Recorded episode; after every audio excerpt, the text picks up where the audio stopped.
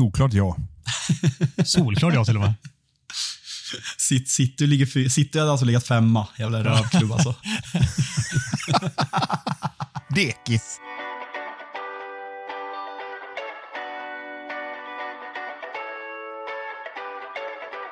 Can Manchester United score? They always score. Rooney! Oh, wonderful! It's Berbatov!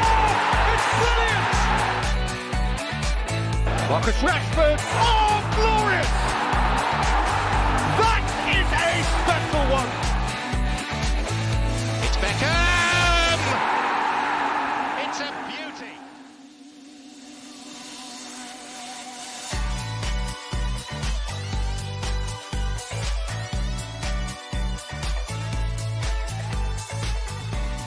Känn er varmt välkomna till ett nytt avsnitt av United-podden. Podcasten som du inte visste att du längtade efter. United-podden görs i ett stolt samarbete med både den officiella skandinaviska supportklubben MUS och United-redaktionen på Svenska fans. Ni hör rätt. United-podden är tillbaka en andra gång på endast några få dagar för att reda ut ett och annat under denna megavecka. Micke är åter här, men istället för varken Mackan och Gustav, som båda hävdar att de endast har ett avsnitt i veckan i sina monsterkontrakt med United-podden, har vi kallat in förstärkning i form av Rule Britannia-profilen Fabian Jalkemo. Bortsett från all skit vid namn fotboll, hur bra är läget med poddens första gäst? Ja, men, eh, ganska bra. Insåg när, jag, eh, när vi hade bestämt tid där 11.00 och eh, spela in och jag kom innanför dörren 10.55 efter att ha kommit med ett SJ-tåg att jag kanske har alldeles för to- stro, eh, stor tilltro till SJ för de brukar vara, ja, med det här vädret så är det inte jätteleverans så det var, det var, det var hårfina marginaler så eh, jag, jag jobbade alltså med att eh, sitta i sändning och, eh, ska inte säga att jag kommenterade men live eh, reagerade på den här matchen igår så det är klart att man har haft bättre tisdagskvällar men eh, överlag så dumt att klaga faktiskt. Så du menar alltså att du bokade ett tåg där du skulle vara innanför dörren fem minuter innan vi skulle klicka på räck här? Ja, alltså jag tänkte, alltså så här, det kändes som en bra idé när jag gjorde det. Eh, och, eh, men det gick så där. Hade även planer på att, första tanken när jag, när jag bestämde att jag skulle stanna i Stockholm över natten var att jag skulle köra ett träningspass på ett gym 06.00. Ställde jag in väldigt tidigt. Andra tanken var när jag checkade in igår kväll sent att, eh, nej men fan det var Lucia-tåg 07.15 nere i restaurangen. Bara, men ganska, ganska mysigt att gå och kolla på. Ställde jag absolut klockan på 8.30 och tog 9.30 tåget. Så eh, nej, det vart, eh, det vart, det vart en dålig morgon för mig helt enkelt. Men eh, i tid blev jag, så nå- något positivt. Och vad säger du om den här minutiösa planeringen, Micke? Ja, men jag är inte så förvånad. Jag har ju fått höra om de här eh, to-do-listorna som han liknar lite eh, Gustav Kullen då i, i sina försök att eh, omfamna alla dagar med, i precision och sen fundera lite på det här SJ Black Card eller vad det är du nu har. Hur, hur det ser ut med det? Garanterar, eh, är det det som garanterar att du kommer fram i tid? Nej, alltså om det ändå vore så. Det, det lite fördelar man har som eh, SJ Blackcard det är att man får tillgång till, eh, till loungen. Eh, gjorde jag första gången nere i Malmö när jag hade en timme i väntan när jag hade varit i, eh, i Manchester för två veckor sedan. Det var ju riktigt uselt. Eh, och sen är det faktiskt fördelen att man får byta avgång kostnadsfritt. Så jag, jag, man kan ju boka och sen ändra när man känner att man vill stanna någonstans längre eller att man vill åka hem, eh, åka hem tidigare. Så det är lite positivt. Så ganska gott att säga om SJ. Men eh, som sagt, det var, det var försening igår och det var en fem minuters försening i morse. Så eh, li, lite skit ska de ha också. SJ Black Card. Vad, vad, vad ska man göra för att få ett sånt eh, Åka jävligt, premiumkort? åka jävligt mycket tåg helt enkelt. Alltså, det, är- det är inte svårare än Jävligt så. mycket tåg. Ja. Det är du uppenbarligen jättebra på. Micke, har det hänt något nytt sen senast, alltså för typ 60 timmar sedan? Nej, alltså till skillnad från Fabbe så gjorde jag allvar i mina lusseplaner. Det var inget lussetåg här, men givetvis så bevakade jag fina Lucia-tåget från Kalmar slott här i morse på SVT. Så eh, jag är uppvärmd med både lussebulle och pepparkaka. Du då Adam, du, eh, du var uppe och sjöng själv eller? Ja, jag var uppe och sjöng själv och sen eh, tog jag mig en kopp kaffe och eh, förberedde det här avsnittet. Jag som är ledig nu mellan jobb som det heter. Jag kan ju sova lite längre på dagarna så jag tror inte jag klev upp ur sängen förrän så här halv tio, kvart i tio någonting och så satte jag på en kopp kaffe och så satte jag mig i soffan och så satte jag mig med datorn där och förberedde det här avsnittet som vi nu ska försöka ta i mål. Det är, ändå, det är ändå en bra start på den. Blir lite, lite avundsjuk, men eh, ja, det, jag fick i alla fall en var shoutout till Hotell Birial i Stockholm som faktiskt serverade glögg, pepparkaka och en eh, ganska torr visserligen, men ändå en, eh, en lussebulle. Så en bra start på morgonen får jag helt enkelt säga. Tyvärr ingen alkohol i glöggen vad, vad det kändes, för det hade jag behövt efter gårdagens matcher den senaste veckan med, som United-supporter.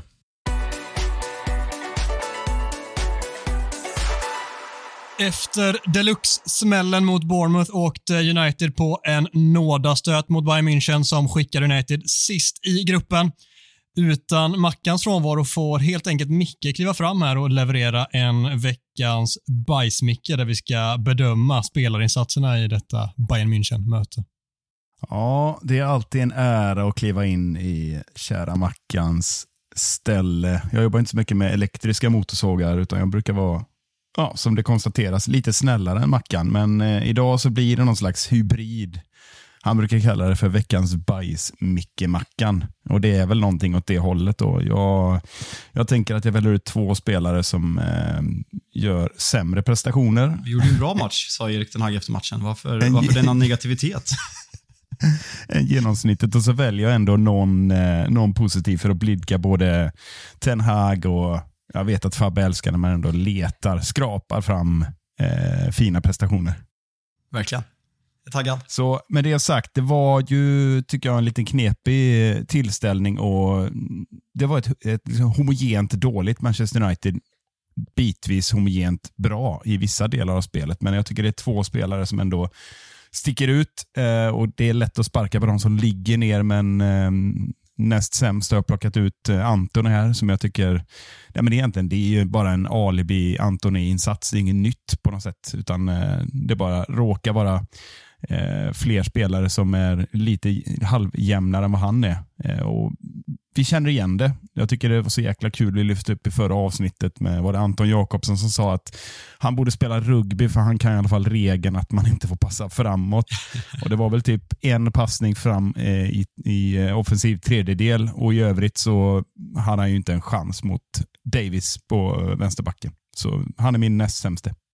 Men känner, känner man inte med Antonys insats igår att det verkligen kändes som när han möter en försvarare som vet hur man försvarar, som har, ja, men en, som har en speed som är överlägsen Antonys och liksom en spelförståelse. Alltså han har inget han kan göra. Alltså han kan inte bidra med någonting. Även om han lyckas gå om en tackling så kommer, så kommer Davis ikapp honom med, med snabbheten och när han står där och trampar på bollen och gör överstegsfinter och alla som har läst på vet att han kommer gå till vänster. Så insatsen igår visar ju hur extremt begränsad han är. Och liksom det här med att han är bra på att hålla i boll och bra i pressspel och sådana saker. det får inte ut någonting av det. Och när, när den här statistiken som man såg florera på Twitter, eller om det var i någon studio igår, att de senaste 25 matcherna, alltså noll mål och en assist. Eh, det är ett eh, fascinerande dåligt. Eh, och som sagt, som Micke säger, det, det är att sparka på en spelare som ligger ner. För jag tror att även de positiva supporterna till Antonys första säsong börjar, börjar liksom flacka över till att det är eh, en av tidernas största floppar och att han inte är tillräckligt bra för att spela på den här nivån. Men det går väl bara hopplöst. Efter den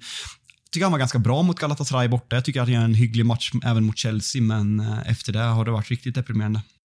Det är detta man får för 100 miljarders miljarder skitbra.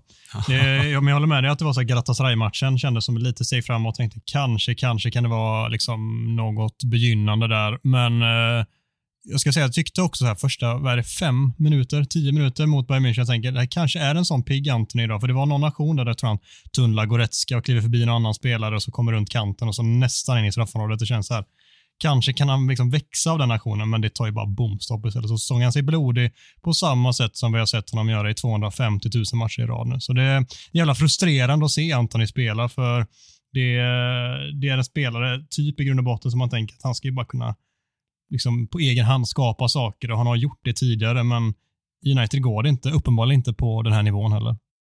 Nej, och det blir, det blir smärtsamt tydligt som du Fabbe är inne på. Liksom, eh, han tar väl sig förbi där. Jag tror det är Davis som försöker ta sig förbi längs kortlinjen och får bara en knuff och skriker på straff eller vad det nu är. Han har ju liksom inte kraft att hålla emot. Det är inte ens nära att liksom lyckas med aktionen som kanske mot en sämre spelare hade lyckats. Men det var smärtsamt att se att det, han, liksom, han har ingenting att komma med i de här sammanhangen. Det är väldigt tydligt.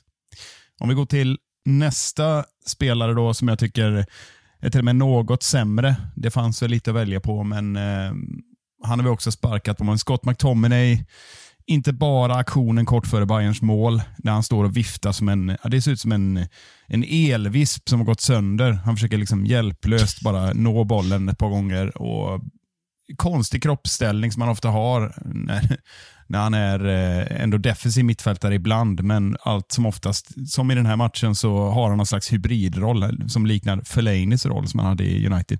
Typ eh, strax bakom anfallaren. Och jag förstår inte riktigt hur han kan överhuvudtaget starta den här matchen. Och Sen förstår jag inte riktigt rollen jag förstår det i ett enda skede. Jo, den är United pressar och det gjorde vi bitvis bra. Då är McTominay ganska effektiv när han täcker rätt mycket gräs, men allting som, som eh, blir med bollen eller för den delen när han ska skydda backlinjen, det blir som det blir, som vi brukar se när det gäller McTominay. Så uselt. Det, det, är så fascinerande med McTominay. Alltså han, är ju vår, han leder interna skytteligan otroligt nog och det är ju matcherna mot Brentford och Chelsea som han egentligen har avgjort på, på egen hand. Men positionsspelet när Manchester United är dåliga är ju fascinerande och där får man lägga ganska mycket på Erik Ten Hag. För vi som har följt United länge vet ju att han inte kan hantera alltså ett, ett pressande lag. Han kan inte diktera ett tempo, han kan inte hålla i bollen i laget. Och när han då spelar tillsammans med Bruno Fernandes, och då är det så här, vem ska vara offensiv? Vem ska vara defensiv? Det slutar med att båda liksom ligger i passningsskugga väldigt offensivt. För den enda spelaren som är någorlunda presstålig är Amrabat och han är ju för dålig, tror jag att vi alla kommit fram till. Och jag är så fascinerad över att Kobe Mino gör den där eh, insatsen borta mot Everton. Jag var på plats i matchen och det är liksom, ja, men jag tror att det var Gary Neville som sa det. Det här är den första spelaren på ett Manchester United mittfält sen Michael Carricks dagar som Pep Guardiola ens hade tittat på. Han kändes som en City-spelare på ett bra sätt. Varför får inte han spela en sån här match när uppenbarligen Scott McTominay gör bland de sämsta insatserna man har sett mot Bournemouth? Och eh, jag, jag, jag, vet inte om jag ska bli arg på Scott McTominay. Det är snarare att jag, dels skadesituationen såklart, att han ska behöva spela match ut och match in på den här positionen, men även att Erik Ten Hag inte verkar lära sig att det inte funkar. Och funkar det inte mot Bournemouth och Iraola, vad kommer det göra då mot Thomas Tuchels eh, Bayern München tre dagar senare? Det är, det är fascinerande tycker det var bra att du la till att det är en trasig elvisp, Micke. För när du sa elvisp tänkte jag, vad i helvete. Han, alltså, elvisp, det händer ändå saker. Det går ju fort där liksom. Men typ försvarsspelet som du nämner vid Bayerns mål. Han springer runt och du pratar om att eh, Anton står för en alibi-prestation. Han alibi-pressar där. Han springer runt och sätter ut någon fot här och var. Men försöker liksom inte ens ta bollen. Men eh, med det sagt, så, så här, just eh, McTominay, det, känslan är att han har lite räddat Erik den Hags jobb, men om det fortsätter som det gör nu så kommer det nog fan med vara han som kostar honom jobbet också i slutändan. Men känns, ja, inte, alltså, men känns inte, förlåt mycket, men känns inte som, jag vet inte om ni såg presskonferensen inför matchen när Scott McTominay ska sitta där bredvid Erik mm. Ten Hag på, på presspodiet. Det känns så som alltså teachers pet. Alltså så här, det här är alltså lärarens lilla gullegris som ska slicka lite röv och liksom prata om hur mycket alla står bakom tränaren och hur bra stämning det är i truppen och sådana saker. Och Erik Ten Hag spelar honom vecka ut och vecka in trots att hans prestationer inte gör att han förtjänar det. Det var, det var, det var bara en känsla jag fick. Det kändes som ja, men den, här, den här eleven i skolan som man verkligen störde sig på som bara slickar röv. Det är den här klassiska som fick Roy Keane sparkad när han, eh, när han gick ut och sågade Darren Fletcher och eh, John O'Shea var det väl eh, ganska duktigt att, liksom, att det var tränarens gullegris. Lite samma känsla med Scott McTominay för Erik Ten Hag för mig. Det var exakt det jag skulle komma in på. Att han gjorde en bra intervju efter sin eh, Chelsea eh, postmatch-intervju. Så det känns som att nu, nu skickar vi fram någon som har lite eh, självförtroende här. Och jag håller med dig, det blir lite tandlöst på något sätt vad är det för fel på att sätta upp eh, sin lagkapten bredvid podiet eller eh, vad fan som helst. Eller andra spelare som har varit i form. Jag tycker det var en konstig placering. Eh, och det, det säger väl det mesta att det är Scott McTominay som ska typ leda oss mot Bayern München 2023. Jag vet inte om jag borde öppna den dörren nu, men jag gör det ändå. Vad, vad är grejen med att alla tränare som har haft Scott McTominay i United på något sätt mer eller mindre älskar honom? Mourinho skapade fan med ett pris för Scott McTominay som han fick. Sevilla borta, bänka Pogba. exakt, exakt. Solskär körde på med McFred in i döden. Han fick även sina matcher, vill jag minnas, under eh, Ralf Rangnick. Och sen nu är det Erik Ten Hag som vänder sig till honom när det blåser snålt. Det är fascinerande på alla sätt tycker jag. Ja, men jag tycker eh, lite som du är inne på Fabbe, att det är fan inte Scott McTominays fel. Han, tycker han, han, går, han går till jobbet med sina egenskaper eh, och det blir liksom inte, det blir liksom inte oxfilé av det vad han än gör, utan han bara köttar på. Det är det vi får av Scott McTominay. Så att jag jag, jag förstår det inte heller, mer än att han är en pålitlig spelare som alltid försöker göra jobbet. Det är väl det enda. Alltså jag kan tänka mig också att han, alltså om man pratar om de här artiklarna som kom ut från Sky Sports också om Samuel Lackhurst på Manchester Reading News hängde på att 50% har tappat förtroendet för Erik Ten Hag i omklädningsrummet.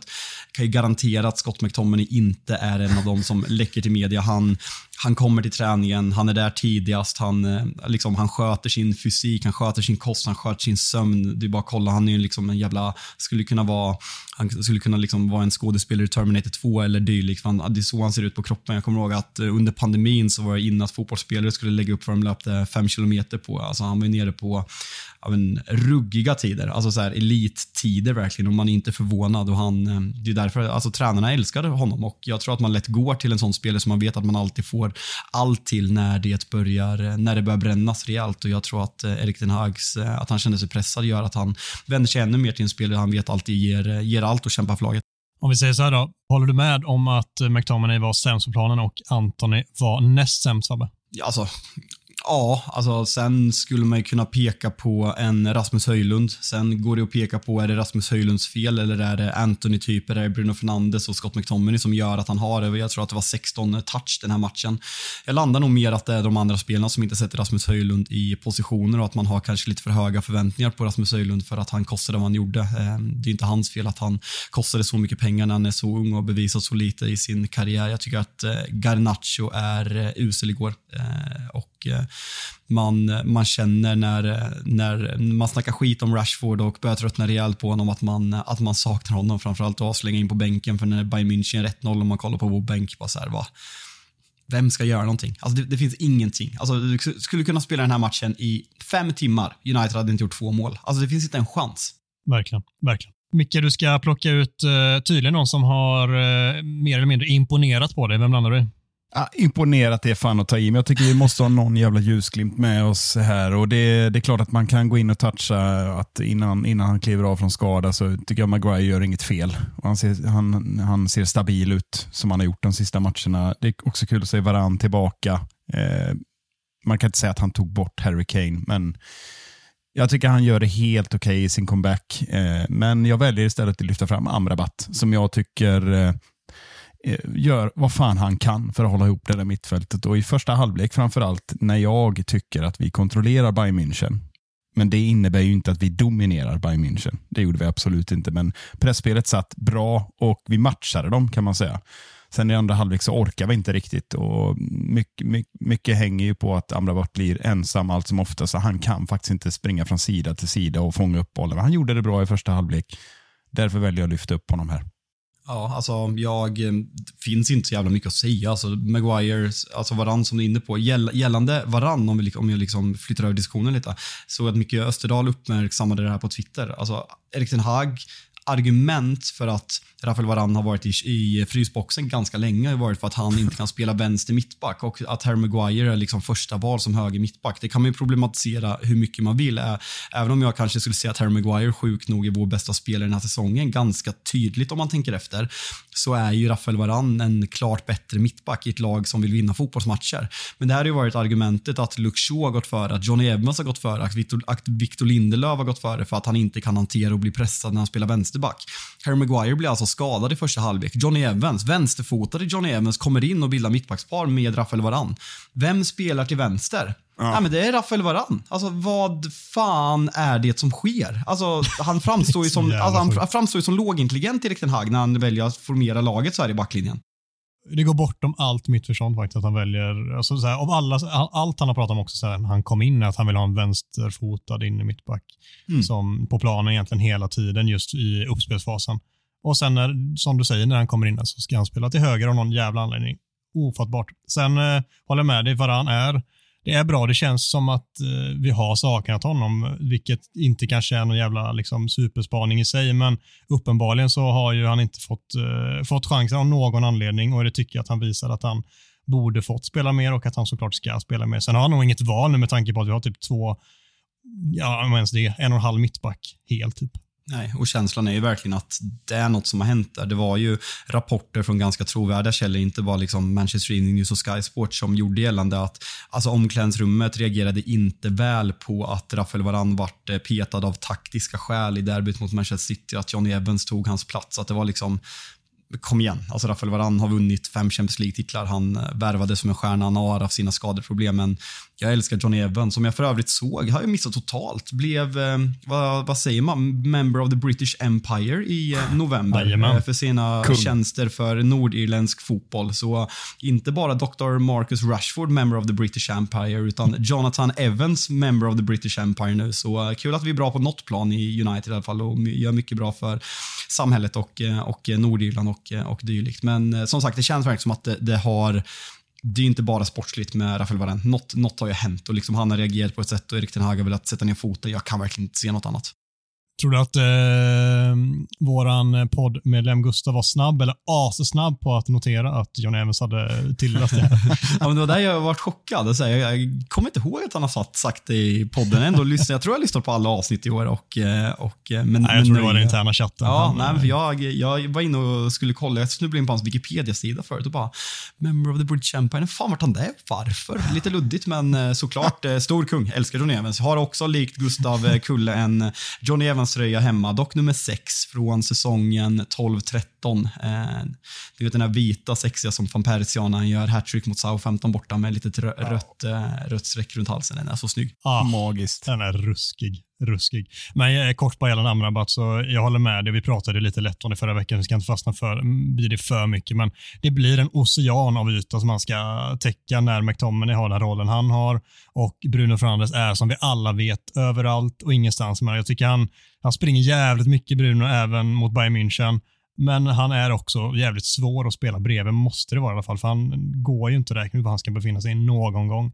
Och där ska Amrabat bara stå och försöka reda ut det så gott han kan mot väldigt, väldigt bra fotbollsspelare. Så eh, han ska väl ha en, en han ska ha lite cred för sin insats, även om jag tycker det också är tydligt att han kanske inte håller den nivån som vi eh, vill ha på den typen av spelare på vårt mittfält.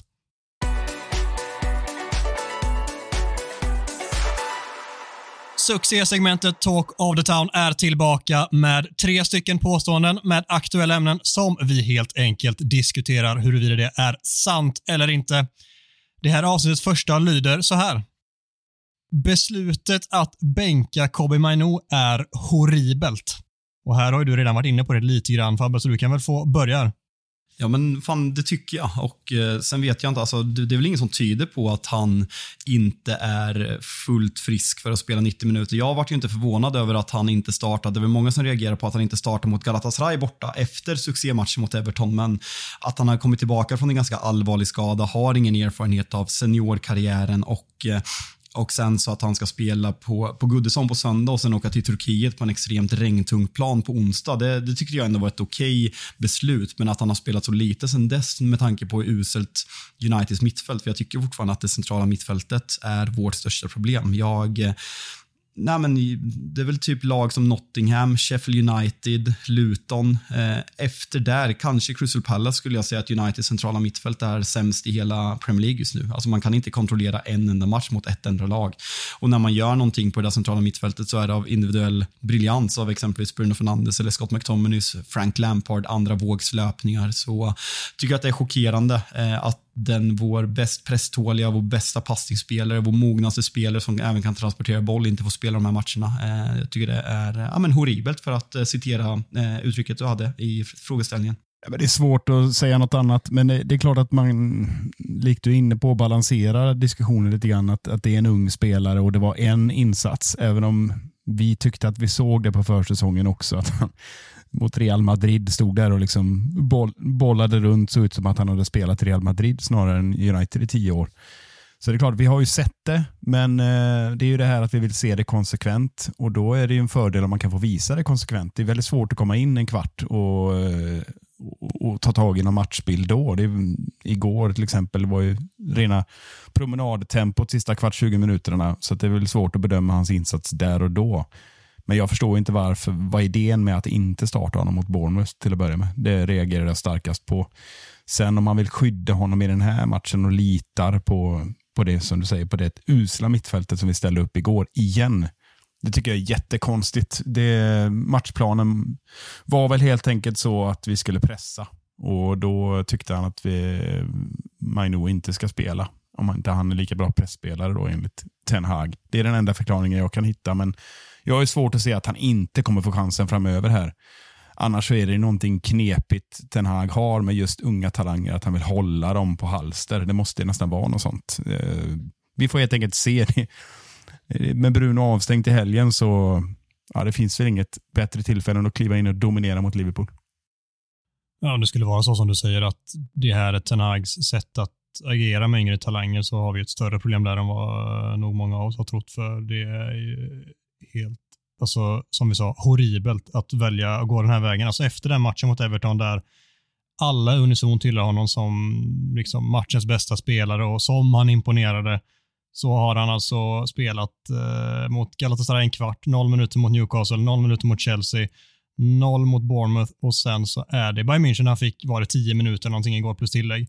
Det är det han har fått och det, liksom, för mig går det bortom mitt förstånd. Alltså att vi har, som du säger Fabbe, vi har en spelare som har allt det som det här mittfältet saknar, som skulle kunna vara den som också håller ihop det mittfältet på ett helt annat sätt än det gör just nu, där ingenting funkar förutom möjligen pressen bitvis i vissa matcher, i vissa delar av matcherna.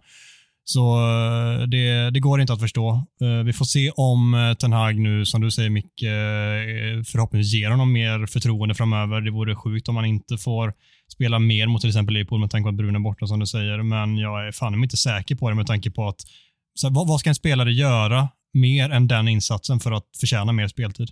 Nej, alltså det, det är jättesvårt och många pratar om att vi är så bra mot Chelsea. Eller det kanske inte många gör, men det är ändå en av våra bästa insatser per på, på den här säsongen. Jag tycker att andra halvlek mot Everton efter Martials eh, när han fixar straffen och vi gör 2-0 så tycker jag att vi kontrollerar en matchbild på ett sätt vi inte har gjort på hela säsongen. Chelsea är ju en, ja, men en freakmatch. Alltså vi möter ett uselt Chelsea på hemmaplan och är bättre men kollar man vad Chelsea har gjort de senaste månaderna, det är liksom 39 poäng på 39 matcher i ligan i år. Man är alltså av alla de 17 lag som har spelat i Premier League hela eh, 2023. Eh, alltså lag inkluderat Bournemouth, Wolverhampton, Nottingham Forest, Crystal Palace. Chelsea är sämst. Eh, känslan var att man liksom man fick hybris och det där var ju en men det kändes verkligen som att spelarna hade gått ihop och liksom, nu är det vi mot världen, vi ska backa vår tränare när liksom media läcker ut det här, vi portar media från, från, från presskonferensen, nu ska vi bara visa. Det var en kämparinsats. Eh, så United har inte kontrollerat en, en sekund av en match sen Kobe Mino inte spelade mot, eh, mot, eh, eh, mot, mot Everton på bort, bortaplan, vilket gör det ännu mer eh, fascinerande. Och eh, om jag bara får smyga in på ett helt annat diskussionsämne så jag vet inte vad du, alltså Micke, du som ändå har varit ganska, alltså du, du har ju målat upp dig som positiva Micke, men en sak som jag verkligen inte, som jag inte klarar av, liksom, det finns förklaringar till att det ser dåligt ut med skador, liksom formspelare, Casemiro från förra året, Marcus Rashford som är iskalla, eh, Rafael Varane, som var en av våra bästa spelare förra säsongen, också iskall den här året, Luke Shaw skadad, Lisha skadad, alla som lyssnar på det här vet vad jag snackar om. Men de här kommentarerna som Erik Ten Hag håller på med efter och inför matcher. Förra året så kändes det hela tiden som att även när vi vann så pratade han om att ja, men, eh, vi är inte i närheten av vad jag vill. Man liksom byggde upp en tro på att han, han är perfektionist. Han är liksom han har en peppsida i sig att han kan vara lack och skälla ut spelarna även fast vi torskar eller även fast vi vinner med 1-0. Nu känns det som att när vi spelar skitdåligt så går han ut och säger att vi spelar bra och när jag sitter hemma i tv-soffan, alltså jag kan inte hantera det. Alltså jag, jag blir vansinnig när han efter matchen igår och det var samma sak. Han går tillbaka och pratar om den Chelsea-matchen. Han pratar om den här stunder i Galatasaray-matchen. Du ska inte prata om stunder i en match man måste vinna borta mot Galatasaray när det blir 3-3 och man liksom skämmer ut sig på ett FC-plan och målvakt som gör sig. Det går inte att ta med sig det och prata om det. Det provocerar och man måste vara lite populistisk och tänka vad vill supportrar höra? Jo, man vill ha hopp och när det är dåligt så vill inte jag höra att du är nöjd. Sen vad han säger till spelarna, det skiter jag lite i för jag, jag klarar verkligen inte av hans reaktioner och att han säger igår. Alltså vi har ett skott från 20 meter på mål från Luxor. Det är enda skottet vi har på mål och en match vi måste vinna och han sitter och säger att United gör en bra match. Jag, jag kan inte hantera det.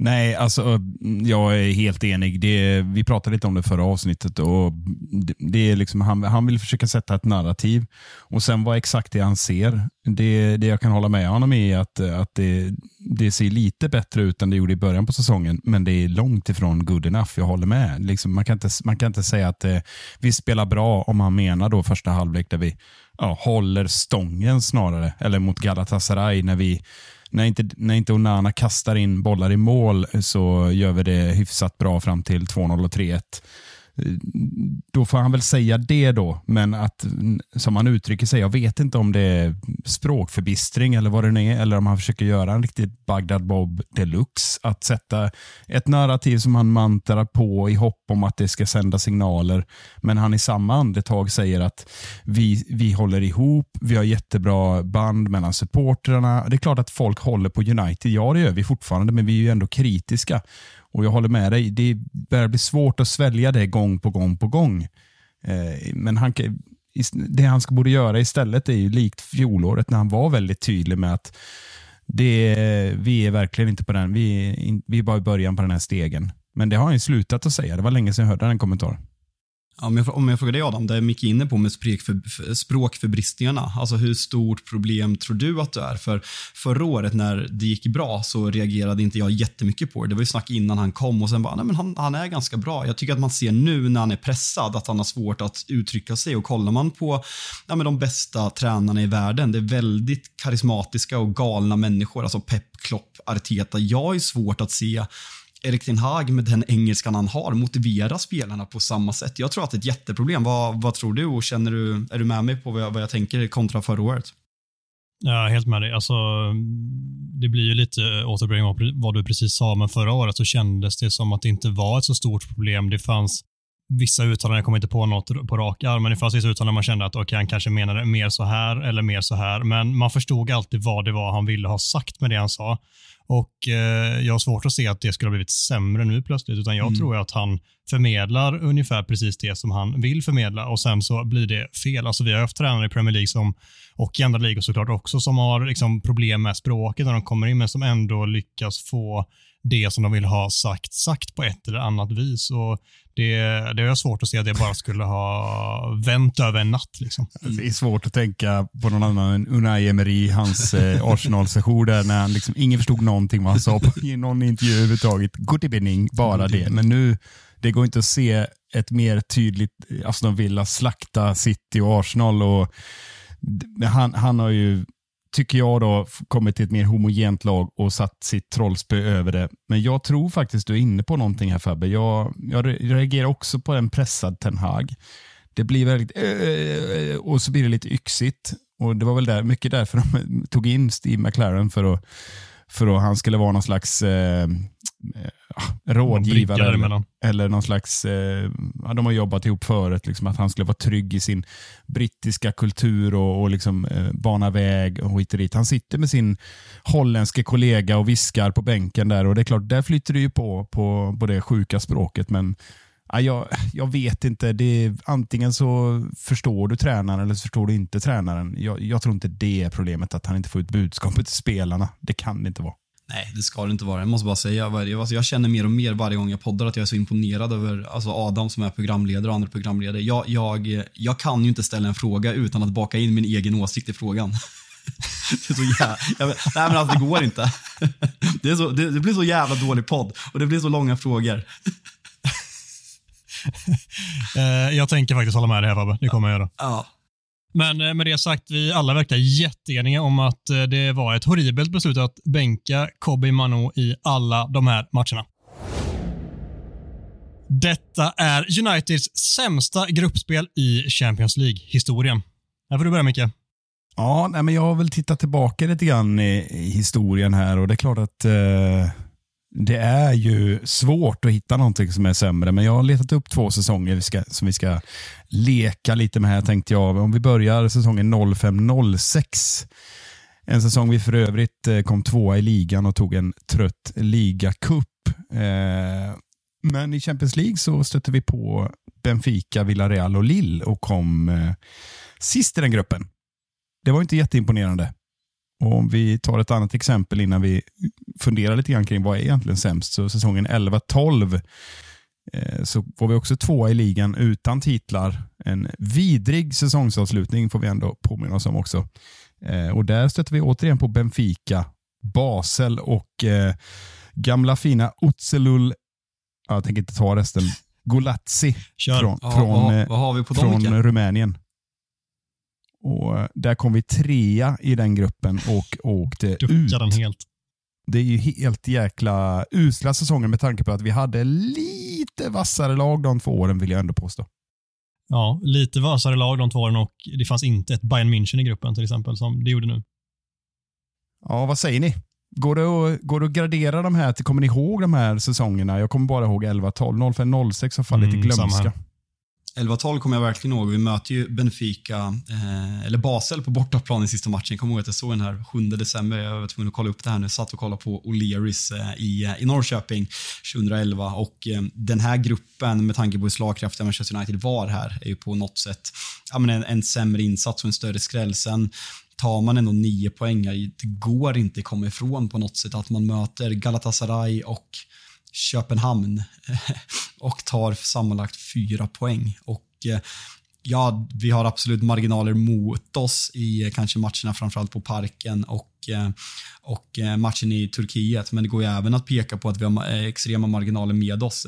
Köpenhamn förtjänar ju minst ett kryss och Onana räddar, räddar straff på övertid. Så prestationsmässigt skulle jag säga att det här är den absolut sämsta. Förvänt, förväntningsmässigt så är det ju 11-12 ganska mycket sämre skulle jag säga. Men eh, du landar alltså att detta är det sämsta United-gruppspelet i CL-historien. Ja, ja, om vi pratar prestation, vilket man på något sätt bör göra, så uh, landar jag nog faktiskt där ändå. Ja. Jag tror att jag landar i 11-12 är sämre, alltså, men det, här, det betyder inte att det här inte är bra, alltså att det här är bra på något jävla sätt. Men jag, just av den anledningen som du säger, att förväntningarna på det laget, vilket United det var där och då, och att det fanns inte ett, ett Bayern München i den gruppen, det var, kör namnet nu på, på laget, det rumänska laget, Micke. Ordentligt.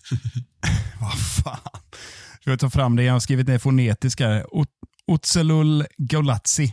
Exakt. Otselul Golazzi, de, eh, det är ju inte Bayern München, känner jag. Och eh, med det United-laget, med Sir Alex Ferguson, så tycker jag att det är ett sämre utfört gruppspel än det här, men eh, fan, det här är ju patetiskt på alla sätt och vis. Ja, alltså vad fan. Jag tänker så här, alltså man gör ju alltid en budget inför. Eh, och jag tänkte max en poäng mot Bayern München budgeterade jag för och sen eh, tänkte jag fyra poäng i de andra. Så nio poäng tänkte jag. Det är nio, tio poäng är inte helt orimligt. Eh, tio poäng kan det inte bli då, men ni fattar.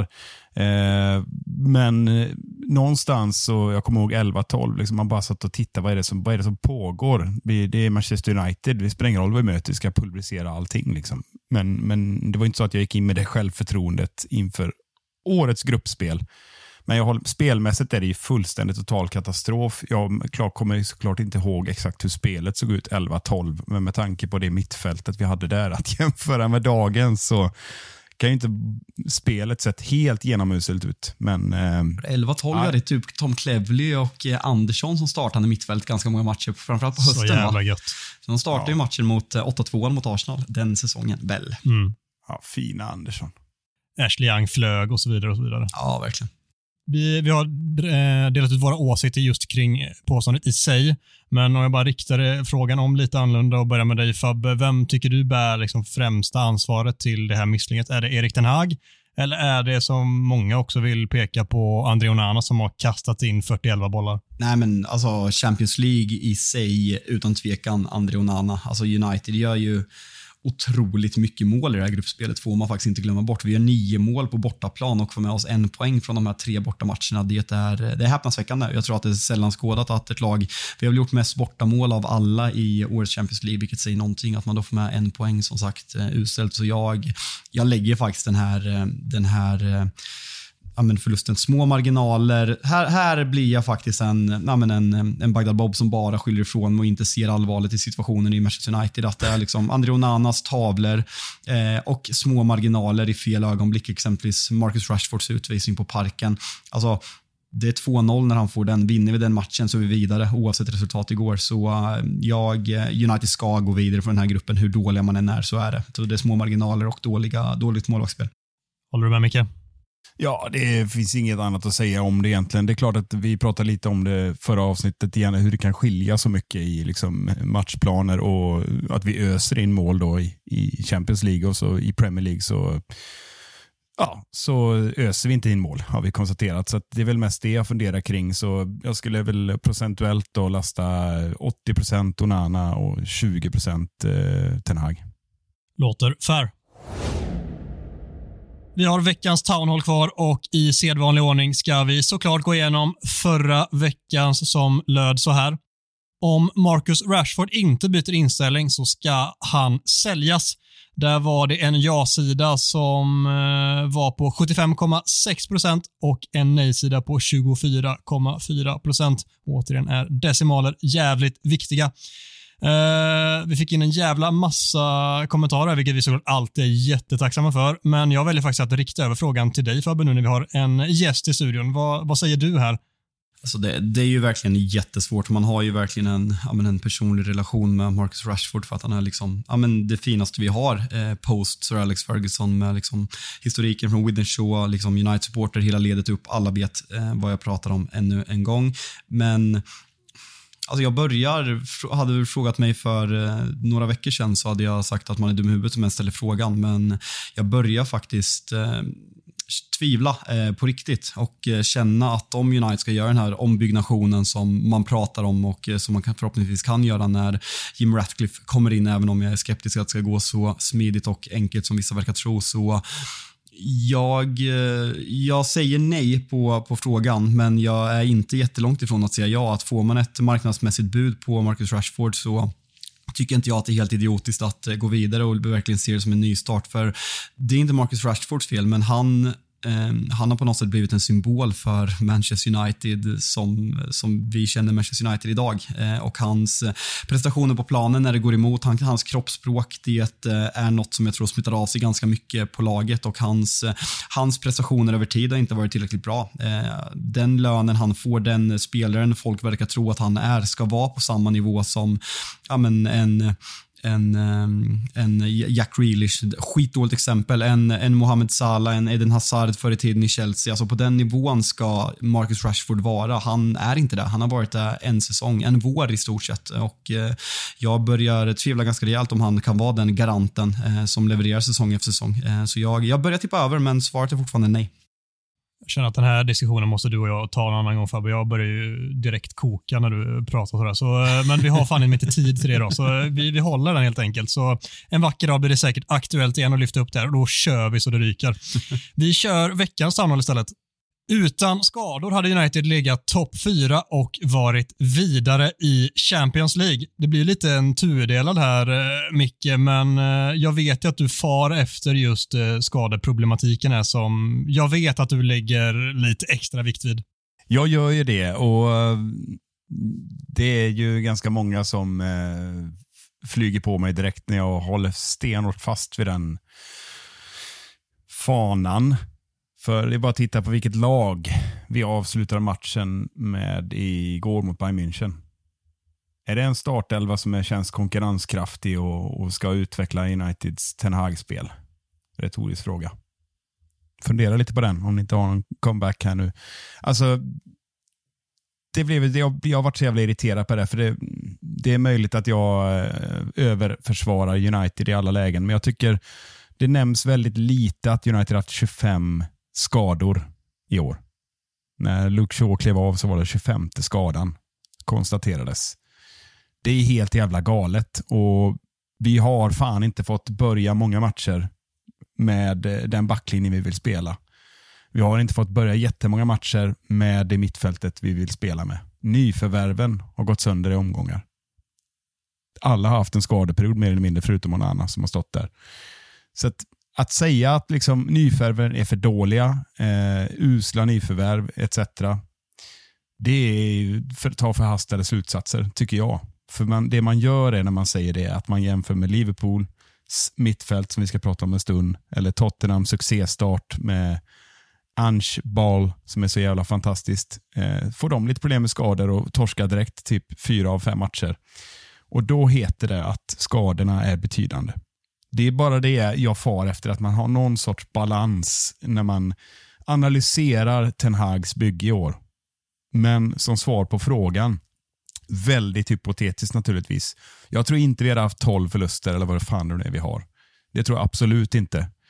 Jag skulle säga att eh, vi hade fortfarande inte varit liksom, dominanta på något sätt eller hotat i toppen eller vunnit CL-gruppen. Det är inte något sånt idiotiskt jag här, tänker häva ur mig här, men jag, jag tror att eh, skadorna utgör minst 50% av varför det ser ut som det gör. Varför det eh, överhuvudtaget inte går åt något rätt håll, utan vi spelar periodvis bra i matcherna. Jag skulle säga att det det är alldeles för lite diskussion om det. Man måste kunna ta in det och ge Ten Hag det att han inte haft så jävla lätta förutsättningar i år. Alltså till att börja med vill jag vara jättetydlig med att jag, jag håller med om att det är ett narrativ från media och eh, olika studios och tyckare att man pratar mer om skadorna i andra lag, att det har en större betydelse. Men om jag bara får liksom ställa frågan till dig och lika djävulens advokat. Om man tar exempelvis Newcastle och Tottenham som kanske är de, de klubbarna i toppen som också har drabbats mest av skador jag ser ju vad de vill göra. Jag ser vad Ange vill göra med sitt lag och han liksom följer sin ideologi fullt ut även när han har nio man på plan mot Chelsea, vilket var det sjukaste jag sett i hela mitt liv. Men jag kan ändå på något sätt uppskatta det och matchen mot West Ham och sen nu senast man pulveriserar Newcastle. Newcastle som ja, men verkligen inte har en erfarenhet av att dubbla och spela Europamatcher som Manchester United har, har enorma mycket skadeproblem. Eh, på samma nivå som Manchester United, om inte ännu värre med tanke på att vår trupp är bredare de pulveriserar oss på St. James' Park. Man ser vad de vill, man ser vad Eddie Howe vill göra och jag håller inte Eddie Howe som en liksom elittränare men jag ser vad han vill göra. Erik Ten Hags Manchester United, även med skador,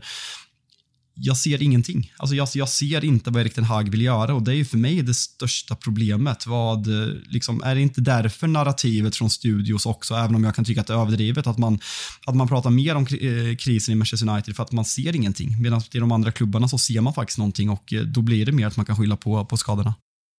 Ja, alltså det, det finns ju en hel del annat att svara på det. Det finns väldigt mycket anledning till varför man lyfter upp kris i United. Eh, som senast igår så sitter studion och jag tycker jag, det, det, är så, det är ett journalistiskt justitiemord när man tar upp en, någon slags TikTok-format på en eh, pressövning. Det faktiskt är inte en passningsövning.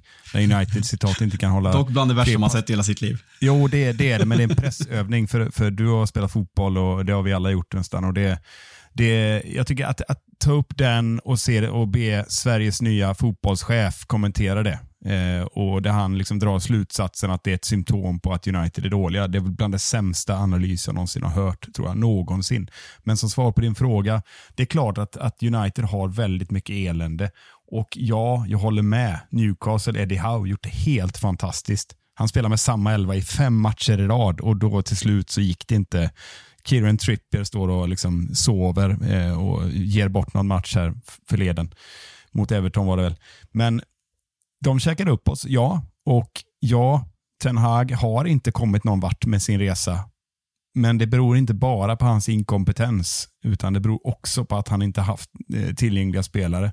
Och Varför har Newcastle och Tottenham lyckats då? Ja, de har kommit mycket längre i det kollektiva. Det ger dig. Och Det tänker inte jag försvara och säga att det och som Tenag säger, Åh, det ser bättre ut och det ser bättre ut hit och dit. Det gör det inte, men han får fan inte chansen heller. Det är det jag vill bara föra in på, på podiet här.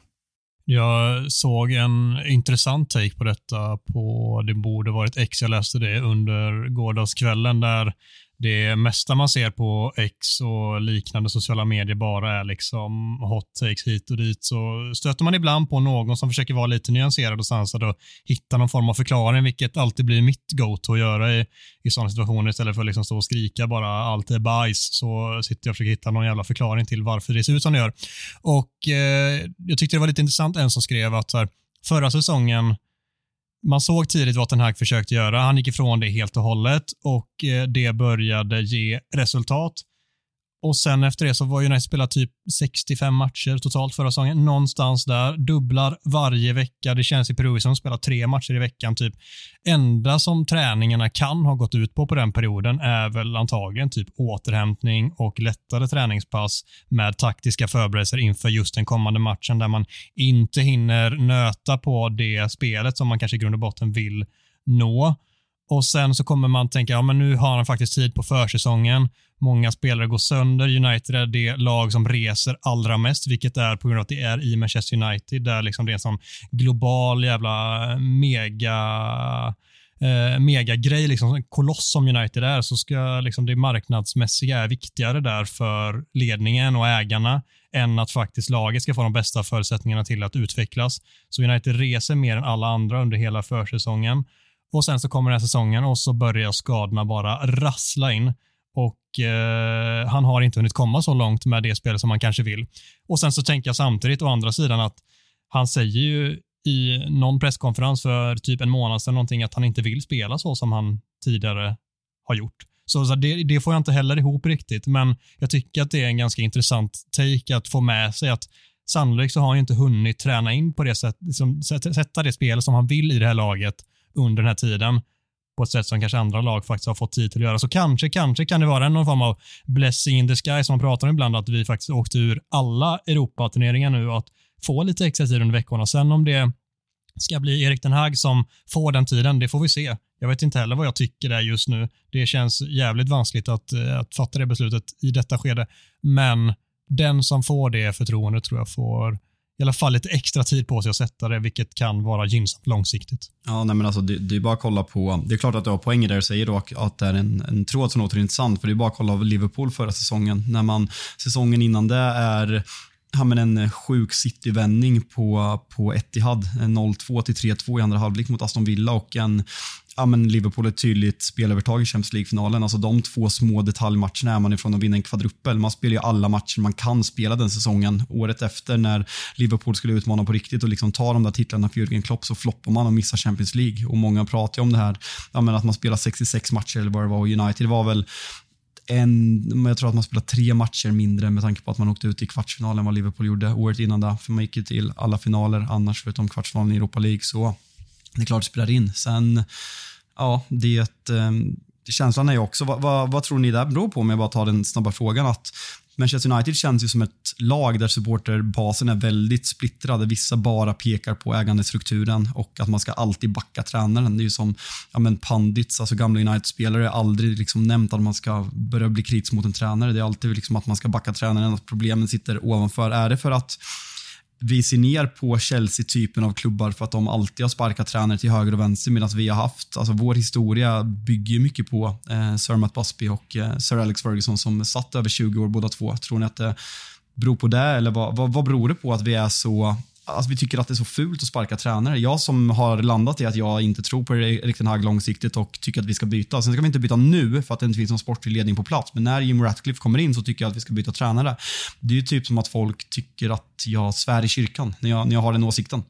Jag, jag, eh, jag backar Ten av lite andra skäl, men jag förstår vad du menar. Och det, det, är möjligt att det är nostalgi man lutar sig mot och vi, vi är inte en sån klubb att man vill distansera sig från Chelsea som är ett sinnessjukt exempel för övrigt. Men, men Sevilla är på väg att slå ett rekord. De har fem, träningar, eller fem tränare på, på ett år eller vad det var. Och det är inte samma dignitet på klubb. Men, nej, men jag tror du, du är nog inne på någonting här. och Sen, sen det kanske det handlar om att, att, visa lite respekt och stolthet också. Kanske att de inte kastar tränaren under bussen. Jag eh, tycker väl att jag försvarar Ten Hag av andra skäl, för jag tror inte på det där bytet. Jag är också väldigt, väldigt kritisk, eller kritisk, jag är fundersam inför det här övertagandet från Ratcliffe, som väldigt många sätter sitt hopp till. Jag vill se hur det går till innan jag säger att allting är guld och gröna skogar, men det är klart att ett par, tre smällar till för Ten Hag, ja, men då börjar det på att bli panik i vad det nu är för ledning vi har kvar. Vem fan ska ta det beslutet nu, tänker jag. Vem är ens vd? Ja, det är väl den där ställföreträdaren, vad han nu heter. Jag vet inte ens om någon av er kommer ihåg vad han heter, men det är väl han som ska fatta det nu. Och, där, och det köper jag, liksom Fabbes resonemang där, att det är klart att det är inte någon i den nuvarande ledningen som ska fatta det beslutet. Så fram till det är färdigt så tycker jag Erik Ten ska, ska sitta där helt enkelt. Mm. Gällande det jag sa liksom med, supporterbasen som alltid har stöttat sin tränare. Jag tycker att man ser, även om jag argumenterar emot mig själv nu. Jag, jag minns alltså så här, i början när, när man verkligen har känt, alltså först under David Moyes, sen under Louis van Gaal, sen José Mourinho, Solskär. Man har ju verkligen känt så att nu är vi, nu har vi nått vägs ände. Nu liksom, det kommer inte gå. Men alla de här tränarna har fortfarande blivit backade av matchgoing fans, som eh, engelska supportrar gillar att uttrycka det. Och det där är också någonting att det har varit en stolthet för Manchester United att alltid backa tränare tränaren. Men jag, jag har ju varit väldigt stolt att även när vi torskar dubbla 0-3 mot eh, Manchester City och Liverpool under David Moyes, vi har några riktiga usla förluster även under de andra tränarna på, på hemmaplan, så har vi aldrig buat åt laget. Alltså aldrig. Eh, det har varit något man har sett ner på andra klubbar, bland annat Arsenal som har gjort. Men nu ser man att även på plats att de börjar bua. Alltså i halvtid, de buade igår efter Bayern München-matchen, de buade mot Bournemouth. Så det är liksom en, en vändning för att folk alltså på något sätt att det var, att man, det var en lärdom att vara dåliga de första åren eh, efter Sir Alex Ferguson, att det nästan var lite kul. Det kommer jag ihåg att jag tyckte under David Moyes att man kunde ironisera över det, men nu känns det verkligen som att folk är så fruktansvärt trötta på det här och man kan ju gå till Sky-studion och kolla på Gary Neville och Roy Keens citat som får spridning lite då och då när de pratar om vems fel det är. Alltså det skulle kunna sätta liksom copy-paste på vad de sa för fem år sedan eller för tre år sedan eller för två år sedan. För det är exakt samma sak varje år och det är det som är så fruktansvärt svårt att podda om den här klubben. För man, Det är så lätt att bli repig skiva och liksom säga samma saker hela tiden. Alltså förra säsongen var ju något att bygga vidare på. Sen är vi tillbaka på det här. Det, det är tröttsamt. Det är det verkligen. Om vi vänder tillbaka till själva påståendet Fabbe. Utan skador hade United legat topp fyra och varit vidare i CL. Ja eller nej? Eh, nej, det hade vi inte. Men vi hade varit vidare i CL. Så 50 um, procent eh, ja. Och Micke säger? Solklart ja.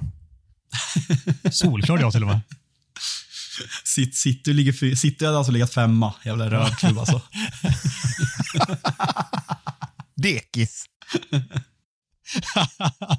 ja, jag, jag, jag är på din sida Fabbe. Vi hade varit vidare i Champions League, men vi hade inte legat topp fyra. Men vi hade haft så jävla mycket större förutsättningar. Vi hade haft roligare. Vi hade haft roligare. Det hade vi verkligen.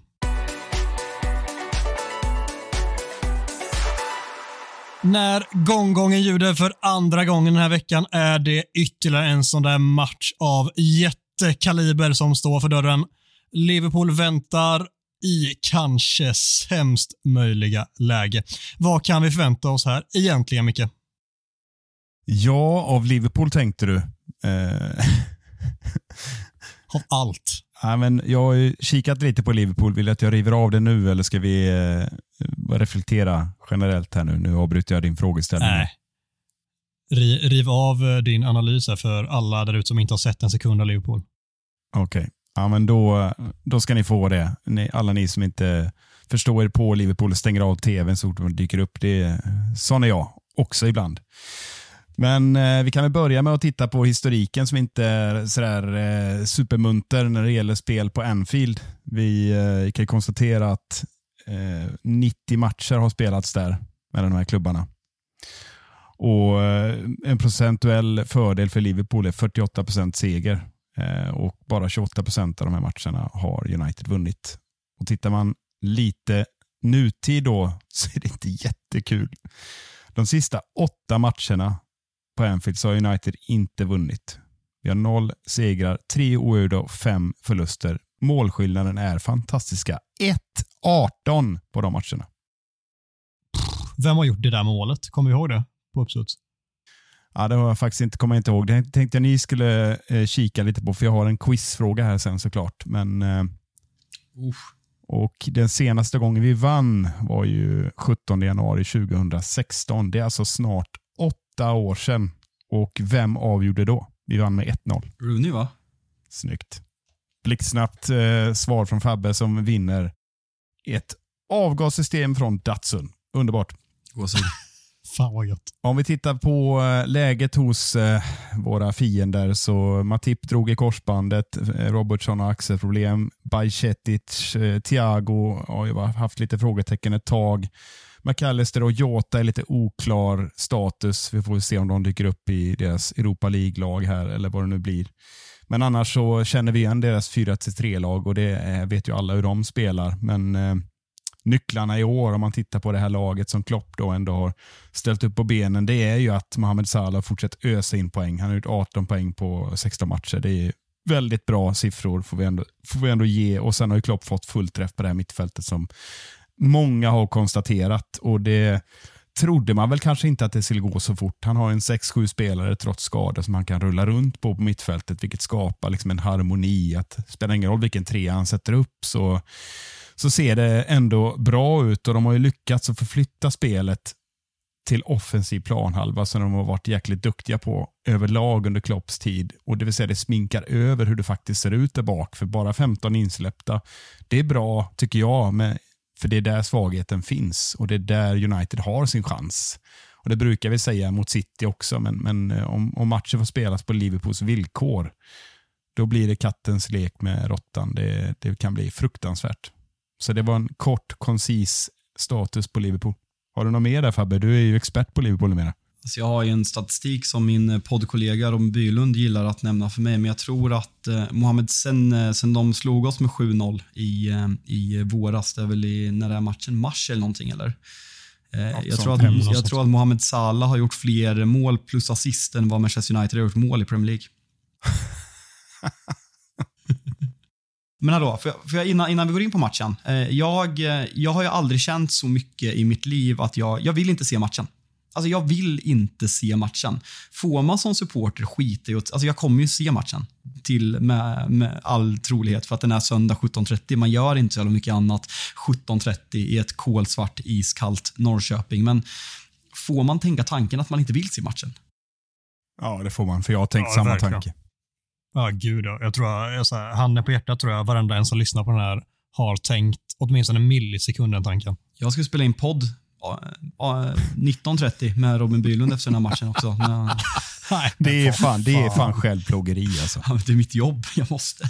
Sadistiskt. Hur nära är du en eh, hemskriven sjukanmälningslapp från eh, farsan? Ah, det, det, är inte omöjligt alltså. Eh, måndagen, pappa håller också på Liverpool så det kan, det kan bli jobbigt. Men det är det här som är grejen med med Anfield på något sätt. Alltså, Liverpool har ju varit ett skämt så fruktansvärt länge. Alltså, de vann inte en titel på 30 år. Vi har förstört Liverpool-supporternas uppväxt, barndom, skolgång. Men hur dåliga Liverpool än var. Alltså, Roy Hodgsons Liverpool med liksom Jay Spearing, Christian Poulsen, Paul Konchesky.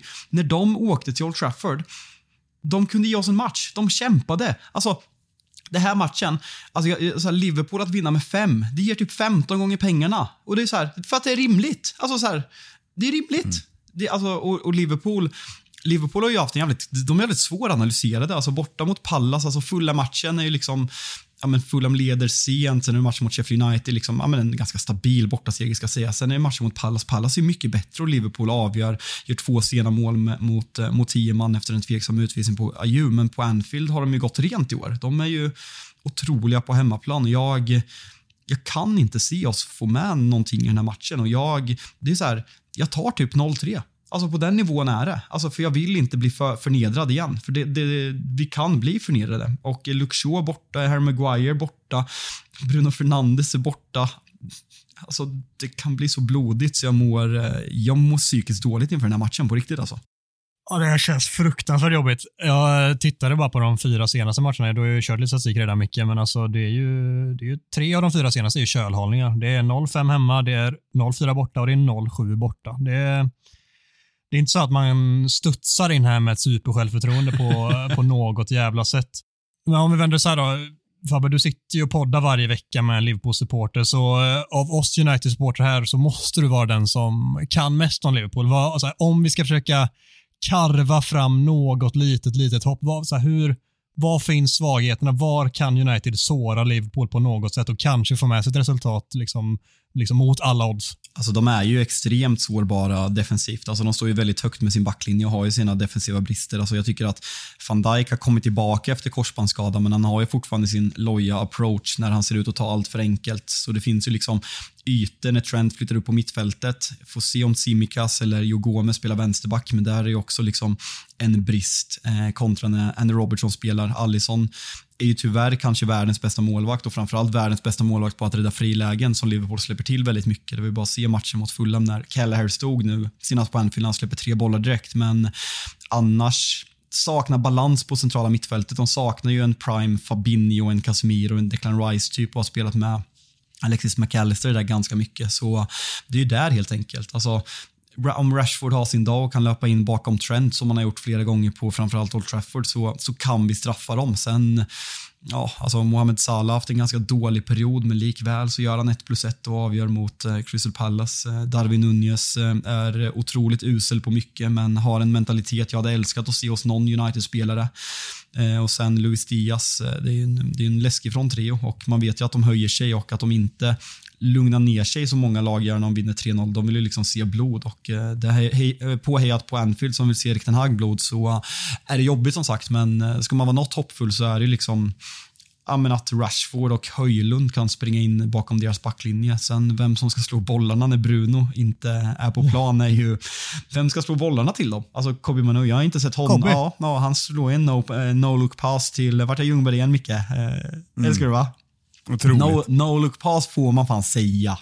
Ja, det får man. Ja, vissa engelska uttryck tycker jag fan är okej. Nej, men det är väl det, det, är väl det liksom att hitta in alltså snabba omställningar, rappa bollar bakom deras backlinjer när de inte är med. Det, det är så vi kan straffa dem och det är så vi framförallt har straffat dem i hemmamatcherna senaste åren där vi gjort några riktigt fina enkla kontringsmål när det går väldigt fort.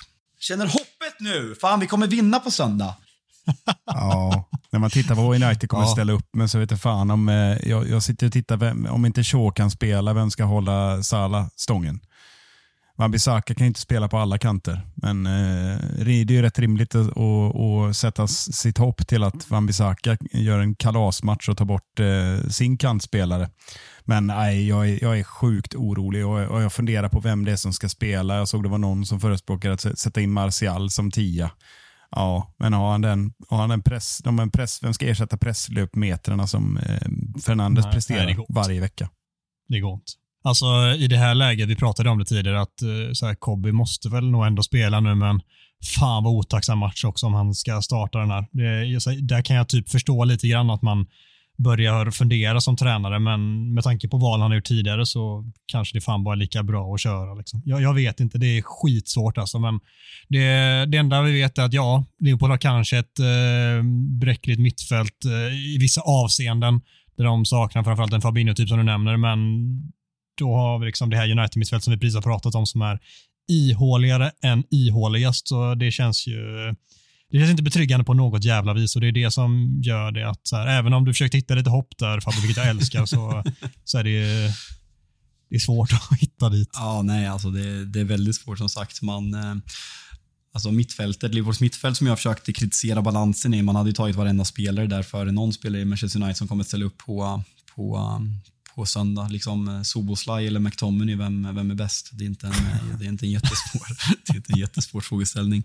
Så um, nej, fy fan, det, är ett, eh, det kan, bli, kan bli en väldigt jobbig söndag. Men fan, nej. Ja, alltså normalt så brukar man ändå så här få någonting att man tror, man försökte ladda upp igår, liksom Bayern München är inte motiverade, även om det liksom, jag trodde inte på det så försöker man ändå bygga upp det. På, på söndag är det verkligen att stoppa blödningen. Alltså bli inte pulveriserade, skäm inte ut er och det är så, det är så, det är mörkt att fan att vi har kommit dit ens. Eh, är det.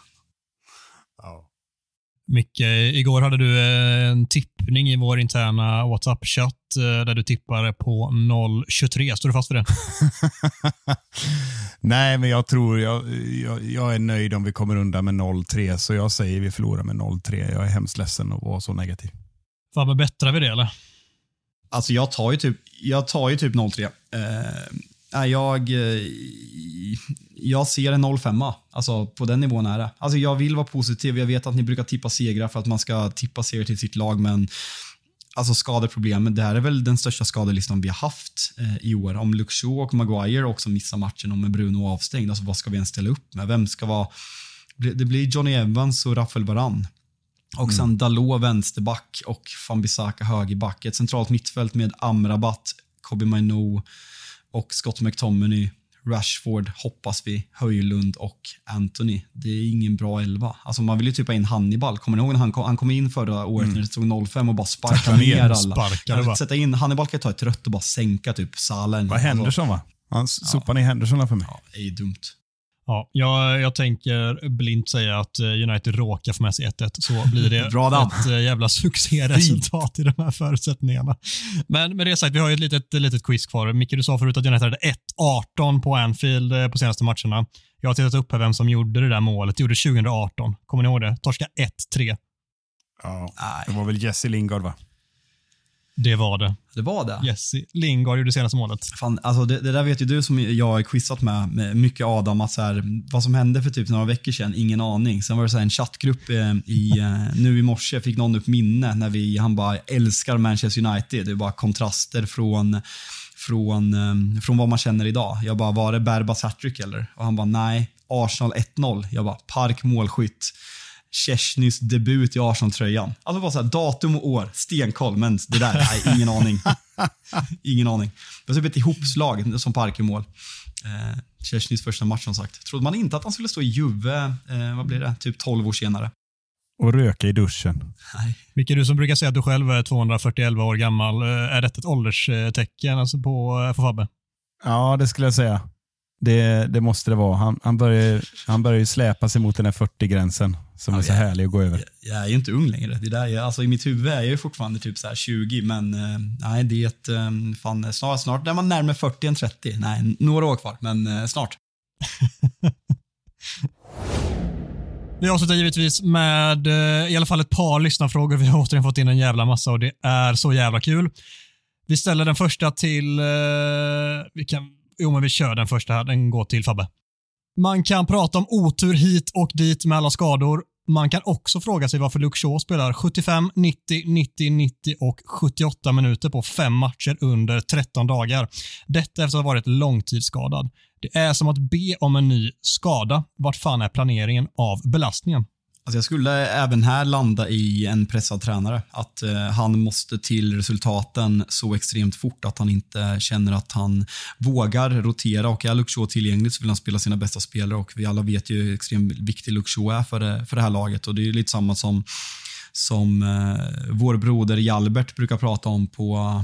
Nej, jag och Jalbert har försonats nu, vi är vänner. Han varit arg på mig när jag kallade honom Jalbert senast, men eh, nu är han Jalbert för oss, för oss alla. Nej, men han har ju varit inne på att, väldigt mycket på att Erik den Hag väldigt tidigt gav upp sin fotbollsfilosofi för att nå korta resultat gällande förra året att han kände att det här laget inte är tillräckligt bra för att spela som jag vill. Så han började spela en mer Ole Gunnar Solskjaer-fotboll och eh, spela på kontring och liksom leva på individuell briljans som vi liksom förenkla det. Men jag tycker väl att den här, om jag får bara lätt analysera den här frågan, så tror jag att det är samma sak. Att han är så desperat för att få kortsiktiga resultat för att han är så ifrågasatt och att United börjar den här säsongen dåligt så att han inte ser något annat för att vi blir så mycket sämre om exempelvis Regulon spelar där eller om Dalot spelar vänsterback. Så det, det är vad jag tror i alla fall.